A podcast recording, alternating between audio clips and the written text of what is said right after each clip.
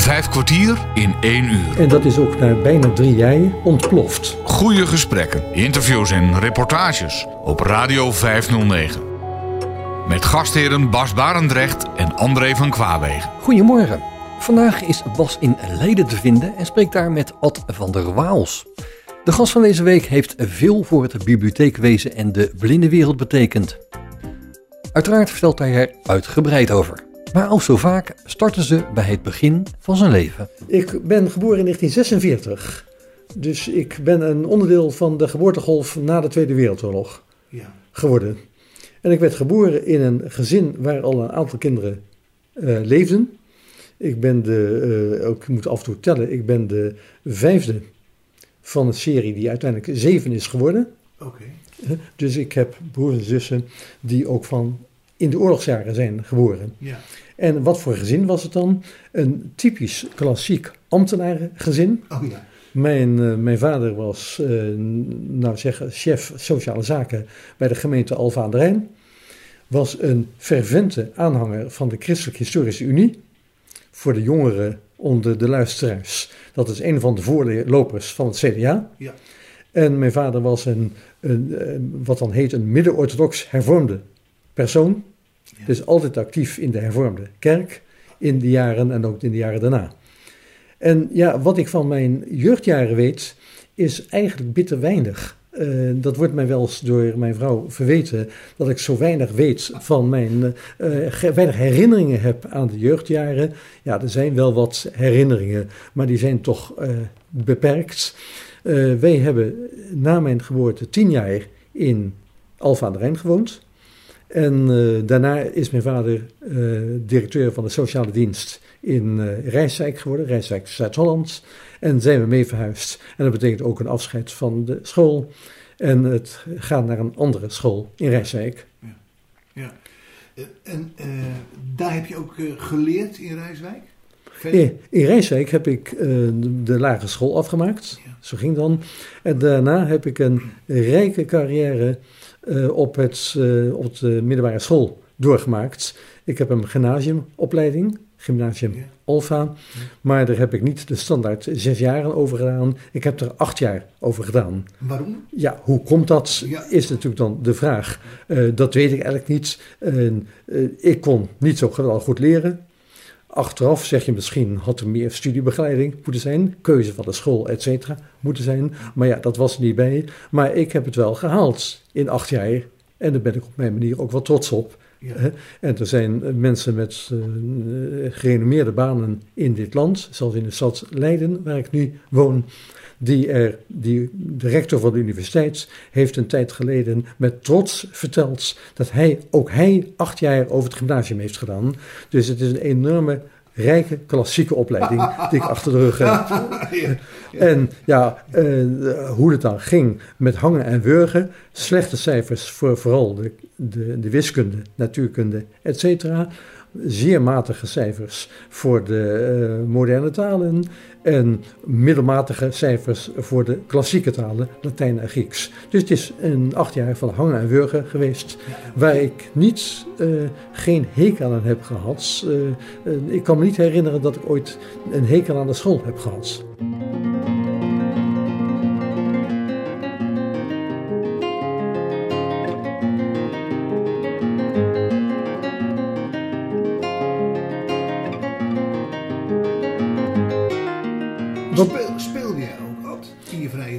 Ja, nee, eh, mm, ja, we speelden volop buiten. Eh, daar hebben we ook niet zo geweldige herinneringen aan. Eh, een van de vroegste herinneringen is dat ik met mijn iets oudere broertje eh, op een vroege ochtend, er was nog een Alfa aan de Rijn, eh, met de step op pad was.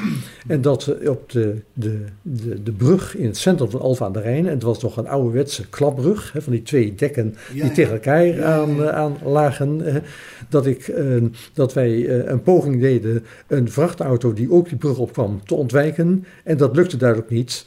En ja, ik kwam met enige verstuikte enkel of iets dergelijks, ben ik eh, thuis gekomen. En eh, dat is dus zo'n zo'n zo'n jeugdherinnering. Eh, ja, verder speelden we als kinderen, ik weet niet. Wij hadden wel een vroege belangstelling voor het voetbalspel. Dus eh, dat speelt in de Rijswijkse jaren met name. In, in Alfa aan de Rijn was er een zaterdagmiddag voetbalclub. Ja, natuurlijk zaterdagmiddag, want ja, je was van hervormde komaf. Ja. Dus de zondag was niet aan de orde. Ja, Maar in Rijswijk, toen ik tien jaar was, heb ik, ben ik onmiddellijk lid geworden van een voetbalclub. Semper Altius. Steeds hoger, Ja. eh, of steeds lager, kan ook. Ja. Semper Altius. En daar heb ik eh, zo'n 14 jaar triomfen gevierd. Ja. Althans, dat zeg ik tegen neefjes en nichtjes. Dat ik in de volle stadions heb gespeeld met allemaal bekende voetballers. En geloven ze je. En soms, als ze nog geen tien jaar zijn, dan word je af en toe aangekeken van is het nou echt zo of is het niet echt zo? Eh, en op een later tijdstip denken ze, nou ja, die man kan wel praten, Eh, laat hem maar. Hè. Hij is nu malend aan het? Eh, maar ik heb in ieder geval, eh, dat was een van de vrije tijdsbestedingen.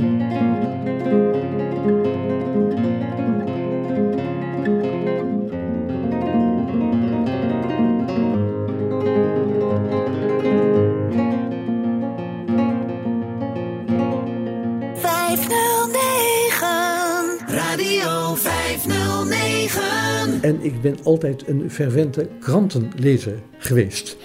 Wij hadden eh, thuis eh, één of twee dagbladen. En eh, ja, ik zie mezelf nog liggen op de vloer, op het eh, tapijt, laat ik het zo maar zeggen, met de krant uiteengevouwen, want ik was nog te klein om de krant eh, eh, natuurlijk zo in de stoel zittend te hanteren. En liggend op de grond lag, las ik de kranten. Ja, wat las ik dan? Is dan de vraag die Bas mij had kunnen stellen. Ik was geïnteresseerd in sport. Ik was eigenlijk geïnteresseerd in alles. Soms was ik ook geïnteresseerd in ongelukken.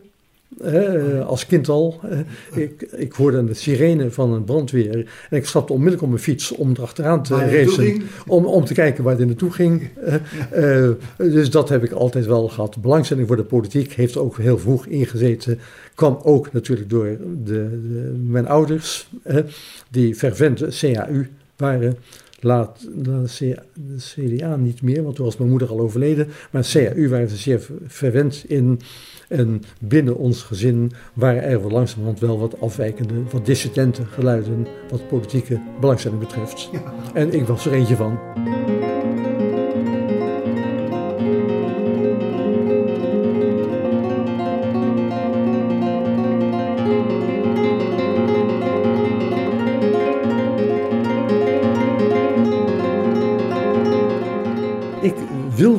Journalist worden. Jij is journalist. Ik wilde journalist worden. En ik ben na, eh, eh, na de middelbare school eh, toegelaten tot de journalistenschool in Utrecht. Dat was de eerste journalistenschool in, in Utrecht. Dat, daar moest je een toelatingsexamen voor doen. Dus dat was een behoorlijke selectie en ik werd daar toegelaten. Maar dat is niks geworden. Want. Want ja, waarom? Eh, dat weet ik eigenlijk niet. Eh, nou, een van de dingen was, ik vond volstrekt geen aansluiting bij eh, het onderwijs. Waarvan ik achteraf zeg, daar had je een andere opleiding voor moeten hebben dan gymnasium. Oké. Je had meer, nou ik zeggen, maatschappelijke vakken moeten hebben. Je had meer eh, training en ervaring moeten hebben in moderne talen. Ja, wat betekende een moderne taal in die tijd op het gymnasium? Eh, je kreeg een tekst voor je en die moest je vertalen in het Nederlands. Eh, dus de taalvaardigheid werd enorm ontwikkeld, maar een actieve beheersing van een vreemde taal, daar heb ik op de middelbare school nooit iets van mee gedaan. Er werd niet in, het, in de vreemde taal, in de moderne taal gesproken. Je hoefde ook geen antwoorden te geven in de moderne taal. Dus het was een hele passieve manier eh, waarop de moderne talen werden aangeleerd. Dat hoor ik ook wel van andere lotgenoten uit die periode.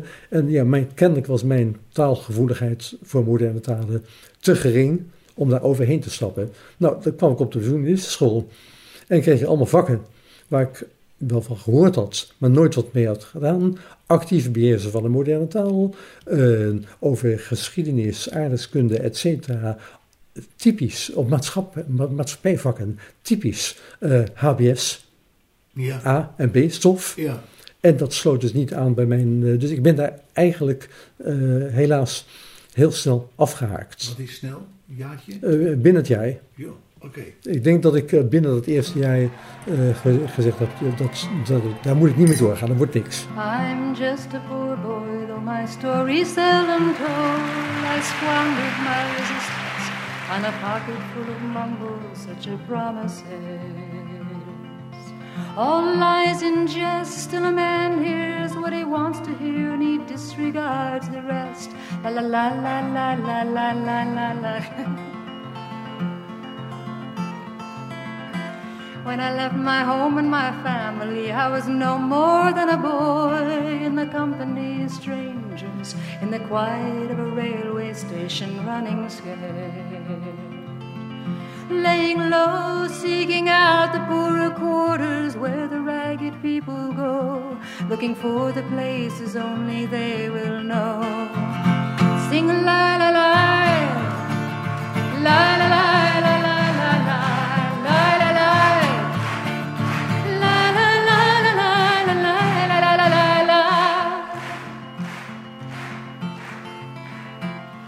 Seeking only workmen's. That was good, by the way.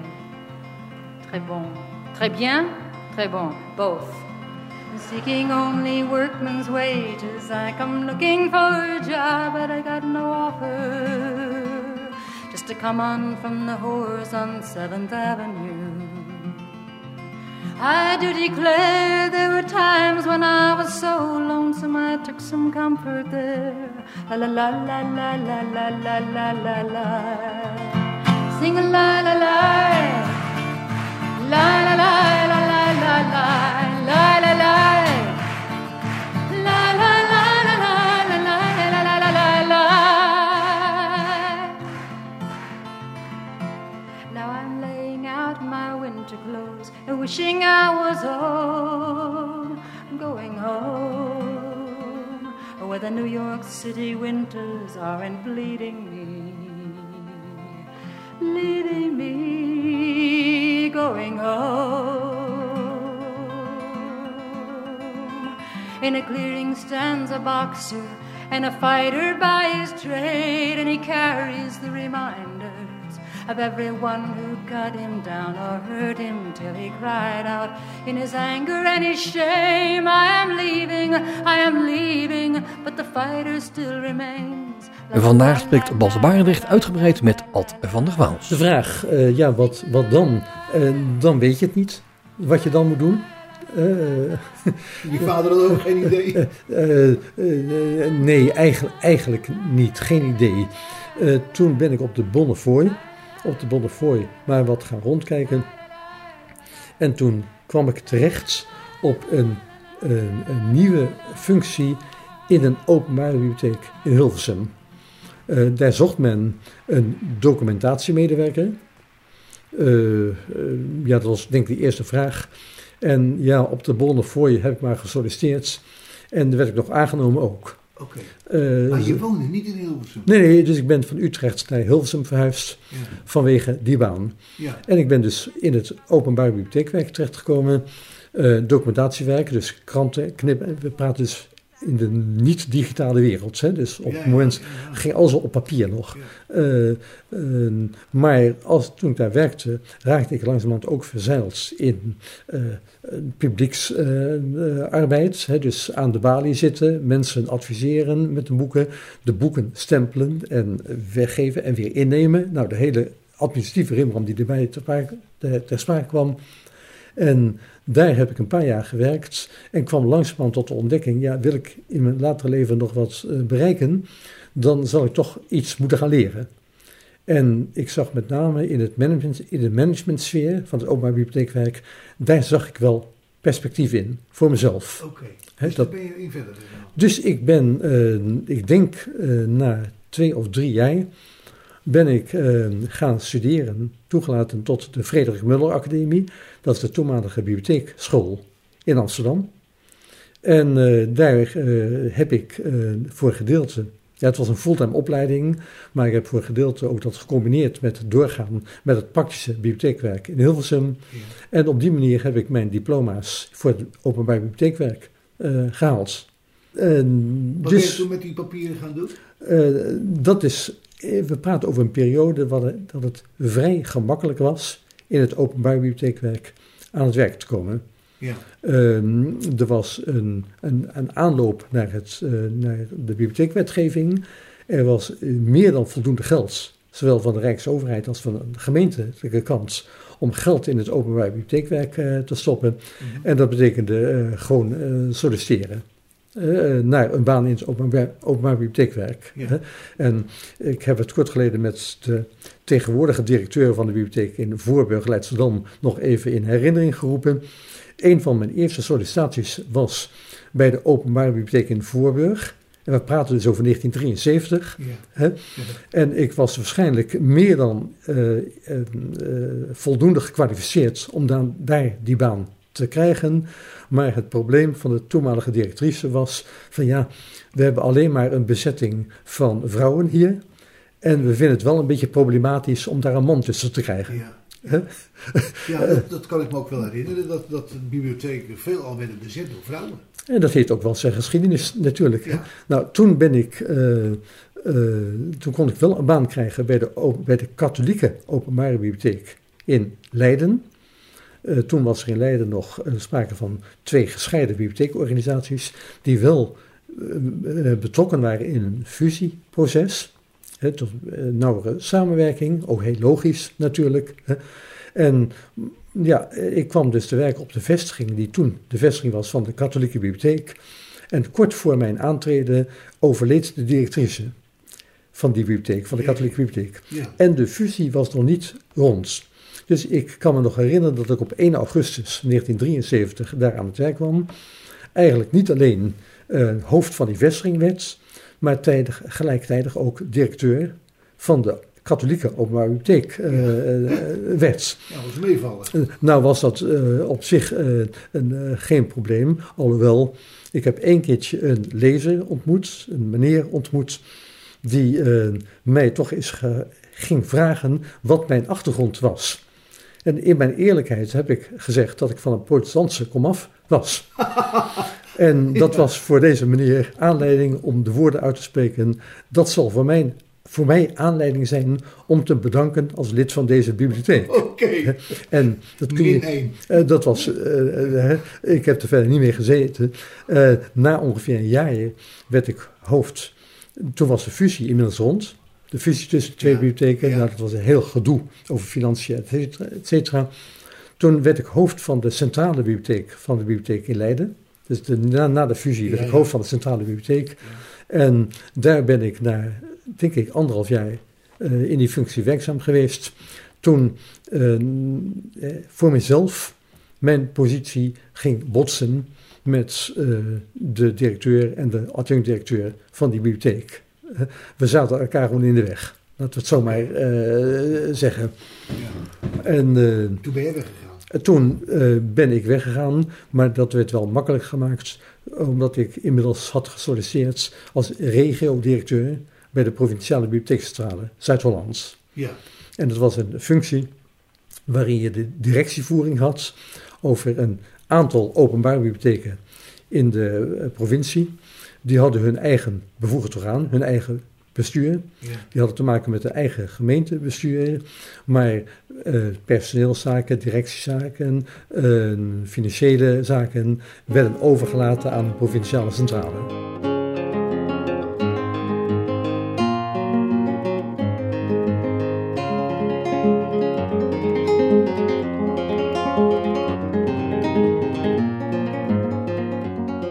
Kwartier in één uur. Eh, goed, ik kwam bij de provinciale bibliotheekcentrale eh, te werken.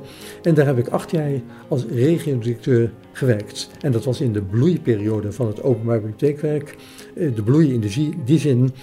Er zijn in deze regio Leiden heel veel plaatsen waar in die tijd een nieuwe openbare bibliotheek werd gevestigd. Ja. Met betaald personeel. Ja. Eh, Daarvoor was het vaak vrijwilligerswerk, volksbibliotheekwerk. Daar kwamen betaalde eh, functies eh, tevoorschijn. Er werden nieuwe gebouwen gezet ja. die soms, zeg je nu achteraf, eh, behoorlijk buitensporig duur waren. In andere gemeenten eh, eh, keek men behoorlijk eh, kritisch naar wat het allemaal ging kosten. En als je dan in de bollenstreek werkt, misschien toch wel zo in de Bollenstreek keken de gemeenten ook wel naar elkaar. Dus in Sassenheim zei men, ja, we moeten wel Lisse overtroeven Ja. met onze accommodatie. Hè. Ja. Noordwijk en Noordwijkerhout, dat was ook zo'n situatie. Hè. Tegenwoordig één gemeente, hè. maar in die tijd eh, eh, concurrentie, concurrenten.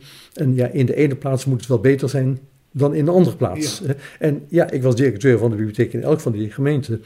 Dus ja, je moest wel eh, een eerlijk verhaal vertellen hoe het nou in werkelijkheid in elkaar zat. En ik heb ook in die tijd geleerd, het maakte niet uit of je nou met de wethouder van de PvdA of van de VVD of met van het CDA te maken had. Hè. Eh, eh, je kreeg soms van PvdA-mensen opmerkingen over eh, de bibliotheek, waarvan je zegt, ja, uit welke tijd kom je eigenlijk? Ja. En van VVD-mensen kreeg je een enorme f- florissant en optimistisch verhaal over de mogelijkheden van bibliotheken. Ja. Mooie, een hele mooie, rijke periode, hè, waar ik ook heel veel geleerd heb, moet ik zeggen. ja. En hoe is het toen met je verder gegaan? Wat ben je toen gaan doen? Na acht jaar, laat ik eerlijk acht jaar gezeten? Acht jaar heb ik op die functie gezeten. En ehm, ja, wat is het dan? Dan, dan komt de, de slijt er een beetje in. hè. Avond aan avond op pad naar elk van die bibliotheekbesturen, gemeentebesturen, et cetera. Je kende het verhaal wel, Ja. je kende de mensen wel. Ja. Eh, de, eh, dan kwam je weer s'avonds om een uur of twaalf eh, thuis. En dan denk je, ja, eh, is het niet een beetje zonde van mijn tijd geweest? Ja. Dat ging verder ook niet, maar dat is heel niet ongebruikelijk. Moet niet te lang duren.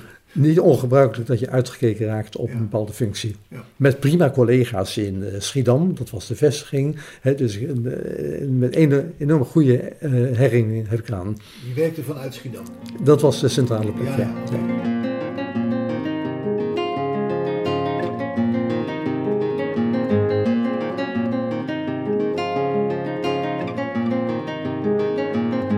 Ja. dan moet je eh, gaan kijken wat, wat, wat dan. Dan kom ik in relatie met de blindenwereld, laat ik het zo maar zeggen. Op dat moment, ja. Ik kende de blindenwereld natuurlijk helemaal niet. Mijn, eh, mijn eh, opa had ooit slecht, was bij ons in huis geweest een aantal jaren en was slechtziend geworden vanwege staaien, is daaraan geopereerd. Maar ik kan me mijn opa herinneren in de huiskamer met zijn ouderwetse bandrecorder. Om boeken van de bibliotheek in Den Haag te lezen. De oude spoelbanden. Dat weet je nog. Eh, dat kan ik me nog herinneren. Ja.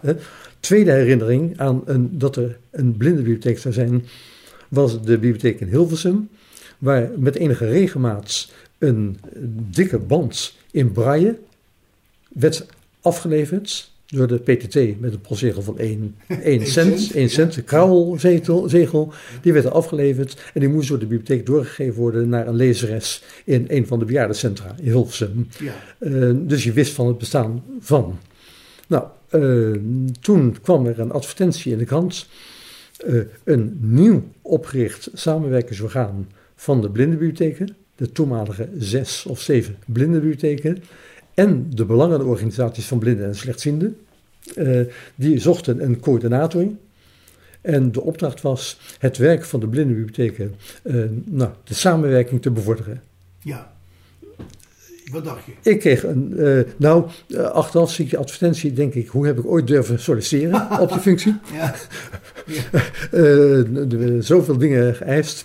Eh, eh, hoe heb ik dat ooit gedurfd? Eh, maar goed, daar heb ik, daar heb ik een hele mooie tijd gehad. Ook veel ellende mee beleefd, maar ook een hele mooie tijd. En waar zat hij? En wat was het geval? Er moest dus een coördinator komen die geacht werd voorzitter te spelen van het directeurenoverleg van de bibliotheken. Ja. Onder conditie dat zijn salaris lager moest zijn dan dat van de directeuren.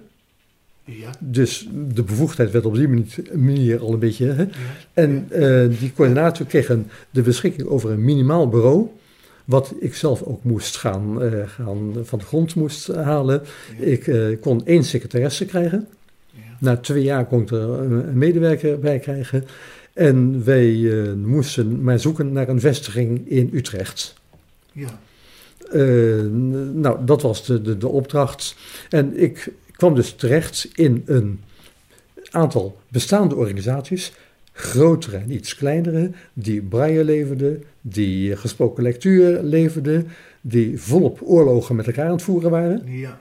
Grote, eh, grote tegenstellingen waren er, en die zijn ook achteraf wel begrijpelijk. Daar speelde de identiteit ook nog een rol in, want er was natuurlijk een algemene katholieke en een protestants-christelijke blindenbibliotheek.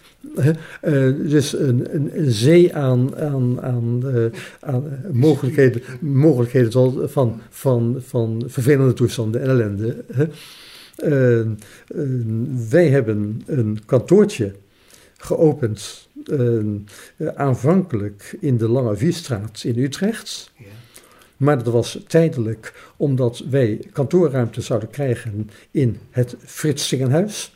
Ja. Eh, de NVBS had een pand aangeschaft in Utrecht. Eh, eh, niet alleen voor het kantoor, maar ook voor een vergadercentrum. En in het vergadercentrum Frits Singenhuis werd een etage ingeruimd voor het Centraal Orgaan Lectuurvoorziening. Ja. Dus dat was mijn ook kennismaking met de belangenorganisaties Ja, ja, ja. eh, eh, eh, van die tijd. Vijf kwartier in één uur. Bas Barendrecht spreekt met Ad van der Waals. De heer van der Waals had het tot nu toe over zijn opleiding, hoe hij in het bibliotheekwerk terechtkwam en hierdoor met de blindenwereld te maken kreeg. Straks vertelt hij hoe hij deze wereld ook weer grotendeels uit het oog verloor. Maar eerst gaat hij verder over zijn opdracht als coördinator van een nieuw opgericht samenwerkingsorgaan van blindenbibliotheken en de belangenorganisaties van blinden en slechtzienden, om de samenwerking van de blindenbibliotheken te bevorderen. Dat verliep niet zoals hij in gedachten had. Op Radio 509. En eh, nou ja, toen eh, ik aan het werk met veel tegenwerking van diverse bibliotheken. En dat is ook na bijna drie jaar eh, ontploft. ja. Waar zat die tegenwerking in? eh, nou, probeer maar informatie te krijgen. eh, op, op bestuurs- en directieniveau. Ja. De medewerkers van de be- betreffende blindenbibliotheken, die werkten zeer nauw met elkaar samen. Ja. Op alle mogelijke terreinen van het praktische werk. Ja. En het werd ook door mij gecoördineerd. Dus ik zat bij werkelijk al die werkgroepen. Die werden door mij en mijn secretaresse gecoördineerd. Dus ik heb ook hele goede ervaringen met een groot aantal mensen die toen bij de blindenbibliotheken actief waren. Ja. Maar op bestuurlijk niveau en op directieniveau, daar waren er de grote tegenstellingen. Zagen ze niet zitten dat je daarmee bezig was? Eh, die zagen het niet zitten dat je daarmee deed. Je bemoeide je te veel met de dingen. En ja, samenwerken betekent ook soms inleveren. Ja. En dat werd natuurlijk door elk van die blindenbibliotheken eh ervaren, zo ervaren. Ja. En een probleem was ook, dat was naast de algemene blindenbibliotheken, was er ook een studie- en vakbibliotheek in Amsterdam gevestigd. Ja. En die studie- en vakbibliotheek was een eigen rechtspersoon, waarin wel elk van de afzonderlijke bibliotheken een zetel had. Ja. Dus met de directeur van de bibliotheek in Amsterdam, van de, van de studie- en vakbibliotheek, was er ook een merkwaardige verhouding. Je bent collega-directeuren, maar gelijktijdig zijn een paar directeuren toch meer de baas over die andere directeur dan de andere. Ja, bijzonder. En dat, is, dat, dat vraagt natuurlijk om eh, problemen. Ja. En wat heeft nou het einde, het, het, het einde van het centraal orgaan ingeluid? Ik kan me nog de dag als gisteren herinneren. Ik weet nog zeker dat eh, twee bibliotheken, de katholieke blindenbibliotheek in Nijmegen, een hele zwakke schakel in het systeem van toe, Ja. een zwakke bibliotheek. Ja. En Wat voor Van van Grunsven toen? de heer Van Ginten was toen directeur. De, eh, die zocht contact, of die kreeg contact met de directeur van de, open, van de blindenbibliotheek in Den Haag, de Nederlandse blindenbibliotheek. Rossum was dat? Nee, dat was de ster. Oh, dit. Nee, Ja, van. Ja. Van was al lang Ja, eh, weg. En die hebben eh, met elkaar het, het akkoord van Tokio gesloten. Ja, zo ging dat heten. En eh, alle directeuren van de blindenbibliotheken gingen naar de internationale congressen. En in, dat moet in 1985 zijn geweest, was er een internationaal congres in, eh, in Tokio. En het verhaal gaat dat de twee directeuren daar voornamelijk met elkaar in een zaaltje hebben gezeten om met elkaar een akkoord te sluiten. Eh, laat ik het heel ruw vertalen. De sterkste partij in het geheel, de Nederlandse Blindenbibliotheek, eh, gaat samenwerken met de zwakste partij in het geheel. Die beschermen elkaar op die manier en gaan een tegenwicht vormen tegen alle anderen. Ja, En de, alle anderen, dat waren dan voornamelijk De de, christelijke- de belangenorganisaties. ja, ja. ja. Dat waren eigenlijk de belangenorganisaties, de toenmalige NVBS. Want de NVBS had, een, had op paritaire, op gelijkwaardige manier, eh, zaten in het bestuur van het centrale orgaan. Ja. Nou, ik kan de dag nog herinneren dat ik een overleg zou hebben met de directeur van de eh, bibliotheek in Nijmegen, van Ginsen. Ja. Dus ik was met de auto daar naartoe gegaan, ik was er om half tien. En ik kreeg van de heer Van Ginsen de mededeling, Ad, ik denk dat hij eh, meneer Van der Waals zei. Ik zei ook nooit tegen hem Giel, het was al meneer, meneer over en weer Oh, ja. in die tijd. ja, zo was dat. Eh, eh, en eh, ja, ik zit met een probleem. Ik heb dadelijk een personeelsvergadering. En daar moet ik even voorrang aan geven. Je mag er wel bij komen zitten. hè, als je wilt, hè, want ik heb wat belangrijks mee te delen. Nou, ik wist, ik was de avond daarvoor door iemand geïnformeerd dat er een samenwerkingsverband tussen die twee was aangegaan. Ja, En het was dat was al bij de notaris geregeld. Ja. Eh, nou, ik heb tegen Van Ginsen gezegd, ik denk dat het niet zo slim is als ik daarbij ga zitten. Want anders denken jouw medewerkers dat ik een onderdeel van het compleet, Ja, van het compleet ben. ben. Ja. En dat wil ik per se niet zijn. hè. Want degene die mij geïnformeerd had, eh, daar had ik tegen gezegd de avond ervoor, nou dat betekent het einde van mijn baan. Ja. Nou, dat werd niet ontkend. Uiteindelijk heeft het centrale gaan nog ruim twee jaar kunnen voortbestaan. Ja. Maar waardoor kwam dat? De belangenorganisaties van blinden en slechtzienden, dus ook de NVBS en de FOVIG destijds, de, oude, de Ja. Vereniging van Ouders, die waren woest, zeer boos op de ontwikkel- deze ontwikkeling. Eh, het ministerie van VWS, eh, van VWS was het, van CRM denk ik, minister Brinkman, Minister Brinkman, die waren op ministerie waren ze ook zeer verontwaardigd over deze ontwikkeling. Maar ja, uiteindelijk was dat niet te keren. Eh particulier initiatief. en Brinkman was een CDA-minister en het particulier initiatief is natuurlijk heilig. heilig. Ja. Nou, alle details over die ontwikkelingen heb ik ooit in boeken beschreven. Die zal ik niet gaan vertellen. Maar ja, het betekent wel het einde van het verhaal van de kennismaking met de blindenwereld op dat moment.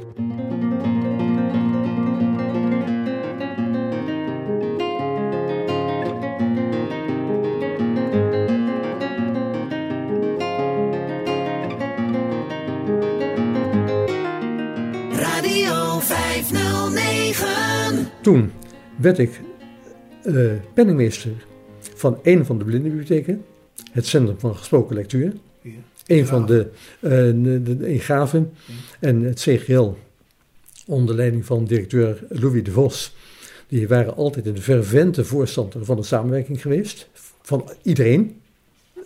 Eh, die vroegen mij of ik penningmeester wilde worden van de, blinde, van de blindenbibliotheek in Graven. Dus eh, van het Centrum voor Gesproken Lectuur. Dat was een betaalde baan? Dat was een onbetaalde baan. Onbetaalde baan, ja. Want ik kreeg wel, eh, ik kon terugkeren in een managementfunctie bij de Provinciale Bibliotheekcentrale Zuid-Hollands. Ja. Er was een reorganisatie achter de rug, veel conflicten, et cetera.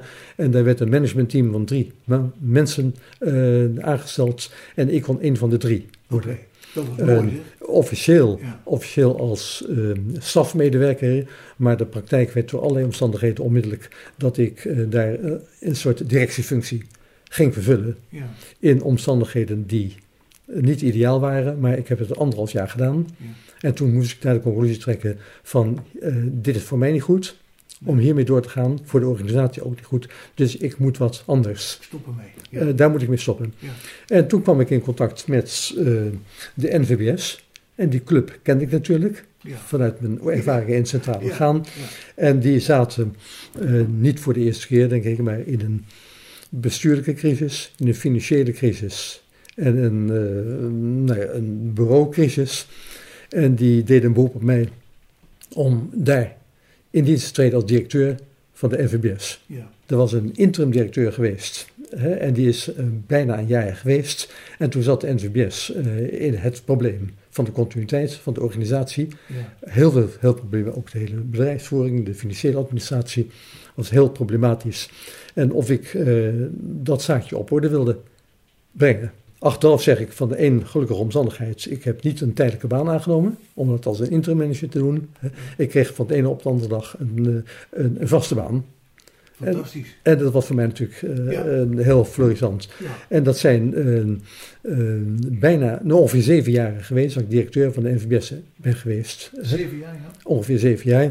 Eh, in omstandigheden die, waarvan we nu zeggen, ja, er was meer samenwerking tussen de diverse organisaties van blinden en slechtzienden. Er was die eerste opkomst van de patiëntenorganisaties. Ja. Makelaardegeneratie was een van de eerste Ja, natuurlijk die later een rol hebben gespeeld. Er was een samenwerking op een, eh, op een aantal beleidsterreinen van de diverse blindenbibliotheken. Dat noemden we toen professionalisering. Dus er kwam een bureau met iemand die zich met mobiliteit ging bezighouden, iemand die met, zich met sociale eh, zaken ging bezighouden, eh, sociaal-fiscale zaken, zo heet dat. Er kwam de slechtziende en blindenlijn, was er inmiddels eh, ontstaan. Internationale zaken ging er langzamerhand bij komen. Ja. Dat was ook een beleidsonderdeel Ja. wat tot dat moment bij de VNBW ondergebracht eh, was. Vereniging Nederlands Blinden. Ja, eh, kortom, er was een behoorlijke uitbreiding van de activiteiten. En daarvan moest ik voor mezelf na ongeveer zes jaar vaststellen van dit gaat mijn mogelijkheden te boven. Ja. Dat, dat, dat, dat kan ik niet meer trekken. Er waren een aantal omstandigheden die daar een rol in speelden. Ja. En toen heb ik eigenlijk in enig overleg met eh, Johan Hamers, dat was toen de, de toenmalige voorzitter Voorzitter, ja. van, de, van de NVBS, Ja. eh, moeten besluiten om te zeggen, jongens, eh, hou, er mee, hou er maar mee op. Ja. Dat is beter voor mijzelf, voor de organisatie, et cetera. Ja. Maar dat is natuurlijk uitermate ingrijpend als je zelf dat soort dingen tegenkomt. Want bij, de, bij de, het openbaar bibliotheekwerk heb ik vrijwillig gezegd van jongens, ik ben erop uitgekeken. Ja. Dus dat is een vrijwillige overstap naar heel wat anders. Ja. Hè? En in dit geval moest ik gewoon toegeven Ja. aan het onvermogen om, eh, om de zaak nog te kunnen of te willen eh, trekken. Nou, dat heeft heel wat eh gedoe gegeven, natuurlijk. In die zin van, ik had binnen de NVBS, binnen de or- organisaties, want er waren er ook andere, best mensen die medelijden met me hadden. Mijn supporters waren, Ja. die we uit een verre verleden eh, natuurlijk Ja, nog wel, ja, ja. wel kenden. Eh, eh, maar voor mij was het onvermijdelijk om afstand te nemen. En dat heb ik dan ook bijna een jaar gedaan. Als dat nemen, waar het niet. Dat is ook weer zo'n aardige anekdote. Want ja, je, je, je, je trekt een, een, een, een, een, een interim manager aan. Hè, want de zaak moest natuurlijk even eh, blij- blij- gerund worden, blijven draaien. Die eigenlijk vond dat ik eh, moest. bij, bij de eh, belangenorganisaties niks meer te zoeken had. Ja, ja. Maar er waren anderen die constateerden dat ze eigenlijk niet zonder mijn ervaring en ook kennis van de wereld konden. Dus ehm, ehm, het, het eerste jaarverslag, het eerste jaarverslag wat moest verschijnen na mijn vertrek, is feitelijk door mij geschreven. Vanuit mijn huiskamer. Ja. Vanuit mijn Ja. huiskamer en dat kan je, nou ja, zo kunnen de dingen eh, gebeuren.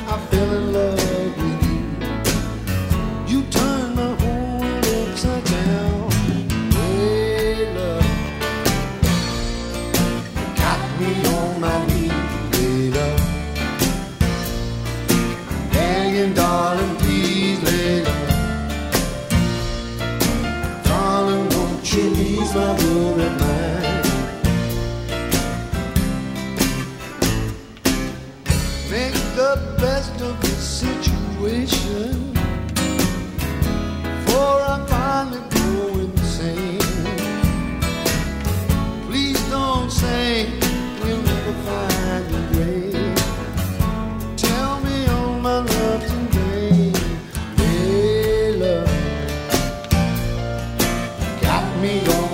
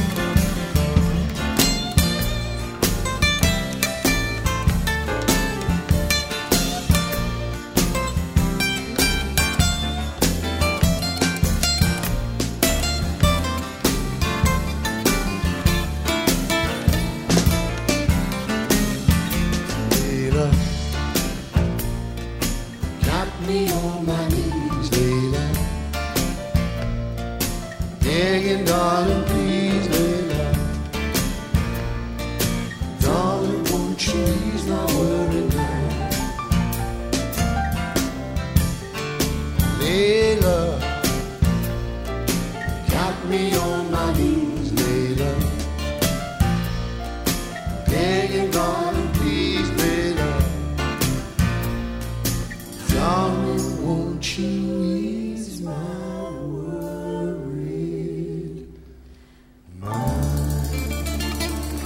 vijf kwartier in een uur spreekt Bas Barendrecht met Ad van der Waals. Ik ben ook eh, vrij, na ongeveer een eh, jaar...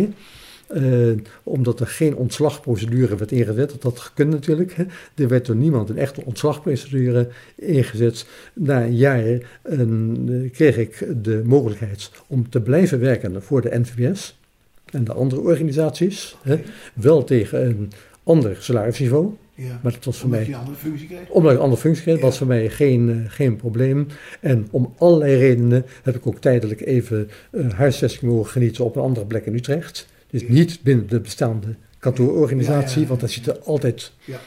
Factoren aan waarvan Ja. je zegt, ja, dat kan je beter niet doen. Ja. Dus ik heb een, eh, een hele tijd eh, huisvesting genoten aan het Wilhelminapark in Utrecht, waar de toenmalige VNBW Ja. zitting Ja, hield. Een mooi, Mooi pand. een ontzettend mooi pand. Goed samengewerkt met de medewerkers daar. Ja. Met de toenmalige directeur van de VNBW. Nou, er waren ook allerlei ontwikkelingen bij de VNBW natuurlijk, maar goed.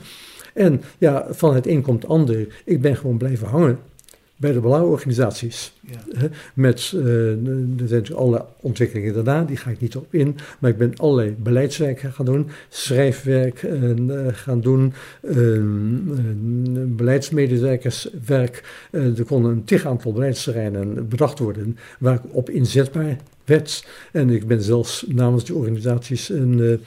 een lange periode, bijna twee jaar, eh, deel gaan uitmaken van een commissie. Die was ingesteld door minister Borst. De, Els, ja. eh, Els, Els Borst, waar de, de, de tegenstellingen en de ruzies in de oogheelkundige zorg moest eens een keertje geordend worden. De tegenstellingen tussen de huisartsen, de oogartsen, de orthoptisten, de optometristen, al die beroepsgroepen, die konden elkaar het licht in de ogen niet zien soms. En daar werd een, eh, een, een soort van staatscommissie opgezet om dat probleem eh, in kaart te brengen en proberen op te lossen. En dat was ook een heel boeiend terrein, omdat eh Roland Hokke en ik zaten daar vanuit de belangenorganisaties. Ja. Later ook Marga Ellen, ook bekend in de makelaardegeneratievereniging, Ja, ja, eh, waren daarbij betrokken. En we keken onze ogen uit natuurlijk tegen het gedoe van die beroepsgroepen onderling. Ja. Hè, waar wij, bepaald moment ook zeiden van ja, wij zitten hier maar als arme eh belangenbehartigers van de patiënten. hè, mogen die ook niet ietsje gehoord worden, wat die ervan vinden. Ja. Eh, mm, heeft tot een eh, rapport geleid wat volgens mij daarna naar de diepste lade verdwenen is. Eh, Ja. Er is weinig mee gebeurd. daar, op dat moment is er weinig mee gebeurd. Daarna weer veel meer natuurlijk. Maar Ja. goed, op dat moment weinig gebeurd. Maar ja, goed, je, je, je bent wel inzetbaar gebleken op een groot aantal beleidsterreinen. Eh, nou, te veel om op te noemen. De lectuurvoorziening was natuurlijk iets waar ik me altijd mee bezig ben gaan houden. Ja. Vaak in hele Levenslang. hele goede samenwerking met de beleidsmedewerker bij de NVBS, bij de samenwerkingsorganisatie eh, eh, Federatie Slechtziende en Blindenbelang. Is toen natuurlijk ook vrij snel in 2000, denk ik, ontstaan. Dus daar heb ik eh, heel plezierige herinneringen aan. Alhoewel ik ook wel weet dat af en toe vanuit de toenmalige Federatie Slechtziende Belang door de beleidsmedewerkers naar die mensen van de NVBS werd gekeken met een oog van, nou ja, dat zijn eigenlijk onze vijanden. Daar willen we liever niks mee te maken hebben. Nou, dat bleek in de praktijk ook wel eens mee te vallen. Eh, is mijn ervaring.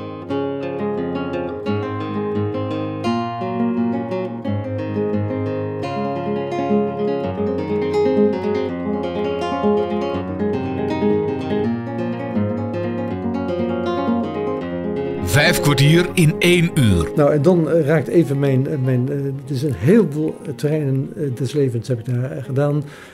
Voor gedeelte bij de NVBS werkzaam, en voor gedeelte bij. eh, eh, eh, dat heb ik eh, gedaan tot er een crisis was bij de NVBS. Een crisis, een financiële crisis. Hè, Het geld was op, daar kwam het gewoon op, op neer. Dus ik was een van de mensen die ontslagen moest worden. Ja. Dat lag ook voor de hand eh, eh, dat het eh, gebeurde. En toen was ik 58. En dat is natuurlijk niet de, de beste tijdstip om met ontslag te gaan. Nee. Maar wel met het voordeel dat toen de tijd, en wat ben ik een bofgrond geweest, er nog wel een uitzicht was op een vervoegde uittreding. Vervoegd ergens mee ophouden, hè, een prepensioenregeling. Ja. En bij mijn zestigste zou ik mogen uittreden eh, eh, met een pensioenvoorziening waar ik eh, nou ja, mee, mee voldoende zou kunnen hebben. Nou, ik heb toen in overleg met de toenmalige directeur van de Federatie Slechtziendenbelang, heb ik een deal kunnen sluiten van als ik nou beloof dat ik in 19, op mijn, in mijn 60ste jaar eruit stap, als ik dat beloof, eh, en ik krijg tegen een ander salaris toch de mogelijkheid om mijn zegenrijke werk nog twee jaar te mogen voortzetten. Hè, Ja. Misschien dat daar uit te komen is. Ja, En dat is gelukt. Dus ik ben tot mijn zestigste eh, aan het werk geweest. aan het werk geweest. En toen ben ik onmiddellijk me gaan aanmelden als freelancer. Als ZZP'er. En heb sindsdien een heleboel werk gedaan op allerlei terreinen die ook buiten de blindensector lag. Ja, zoals. Eh, schrijfwerk voor de blindenbibliotheken. Ik ben onderzoekswerk, gedaan, eh, onderzoekswerk gaan doen voor een organisatie die kwaliteits- en klanttevredenheidsonderzoek moest doen in de zorgsector. Dus De, de zorg, de algemene eh, zorg. de zorg, maar dat was heel breed. Dus dat kunnen de bejaardenhuizen zijn in de termen van toen. Bejaardenhuizen zijn. Ja. Dat kunnen revalidatieinstellingen zijn. Dat waren ook ehm, instellingen voor eh, jeugdzorg. Ja, voor jeugdzorg. Eh, ook in de justitiële sfeer ben ik op bezoek geweest bij instellingen om interviews te hebben met betrokkenen. Ook bij instellingen voor mensen met een verstandelijke beperking.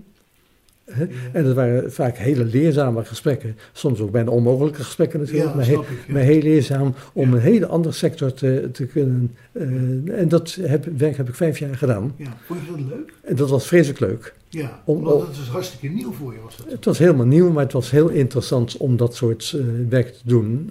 bij uitzondering kwam ik ook wel bij instellingen die met de blindensector te maken heeft. Ik ben Ja. in Huizen terecht, eh, bij het Kanishuis denk ik, in, in, in Huizen ben ik al geweest. Ja. om te praten met mensen, interviews te hebben. En ja, dat is heel, heel leuk werk. En daar heb ik ook de hele zorgsector heel goed leren kennen. Wat eh, de motivatie van medewerkers zijn bijvoorbeeld. Ja, eh, je zal toch hele dagen eh, omgaan met mensen waar, met een beperking, ja, waar je toch op moet letten, waar je moet begeleiden, hè, waar je ook alle grillen eh, tegenkomt. Hè. Je zal toch met een, een persoon moeten praten, en dat heb ik in een van de instellingen gedaan, een, een, een man met een verstandelijke beperking, eh, een licht verstandelijke beperking, maar die elk gesprek regelmatig onderbrak met de opmerking: We gaan allemaal dood, hè, Ad. Eh, Ja, eh, en, ja. Dat, en dat refrein kwam in een gesprek van een uurtje zeer regelmatig ja, weer boven. En dan, wat gaat er in het hoofd van mensen om? ja, om eh, ja, daar kan iemand niks aan doen, maar het gebeurt wel. En hoe ga je daarmee om? ja, Nou, dat is uitermate leerzaam, Ja. moet ik zeggen. ja. Nou ja, zo, zo zat de carrière in elkaar.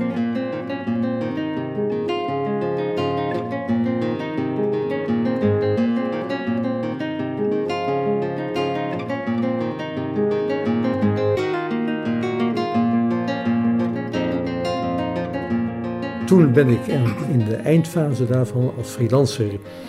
Ik heb wat opdrachten gedaan voor diverse anderen. Ook voor een van de ministeries heb ik wel eens een opdracht gedaan. Eh, eh, ook Hoe een van kwam je daaraan, aan die opdrachten? nou, men, men, men kende je. En het zat wel dicht in de buurt van het openbaar bibliotheekwerk en het blindenbibliotheekwerk. Ja. Dus dat, die, die, die link was natuurlijk eh, vrij, vrij snel gelegd. Ik heb ook wel eens voor de belangenorganisaties wat, wat activiteiten nog gedaan. Hè?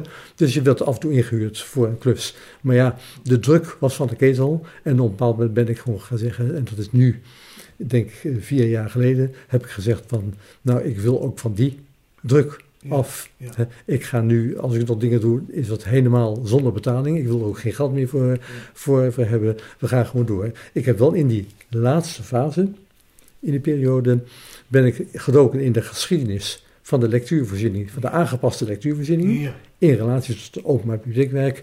Dus ik heb geschreven over de studie lectuurvoorziening, een heel boek over eh, de algemene openbaar bibliotheekwerk, waar blinde bibliotheken een rol in spelen. ja, Ik heb een boekje geschreven over het muziekbibliotheekwerk. En een boekje geschreven over het, een, een mooie geschiedenis. Hoe in de jaren 70 een, een com- combinatie van de Telegraaf, het dagblad van de Telegraaf en de Lesavische Boekbibliotheek in Nijmegen, dat is de katholieke bibliotheek, een gesproken dagblad op de markt wilde neerzetten. Dat zou moeten gebeuren, wat elke ochtend vroeg in de, in de, de, de benzinestations en de kiosken te koop zou zijn.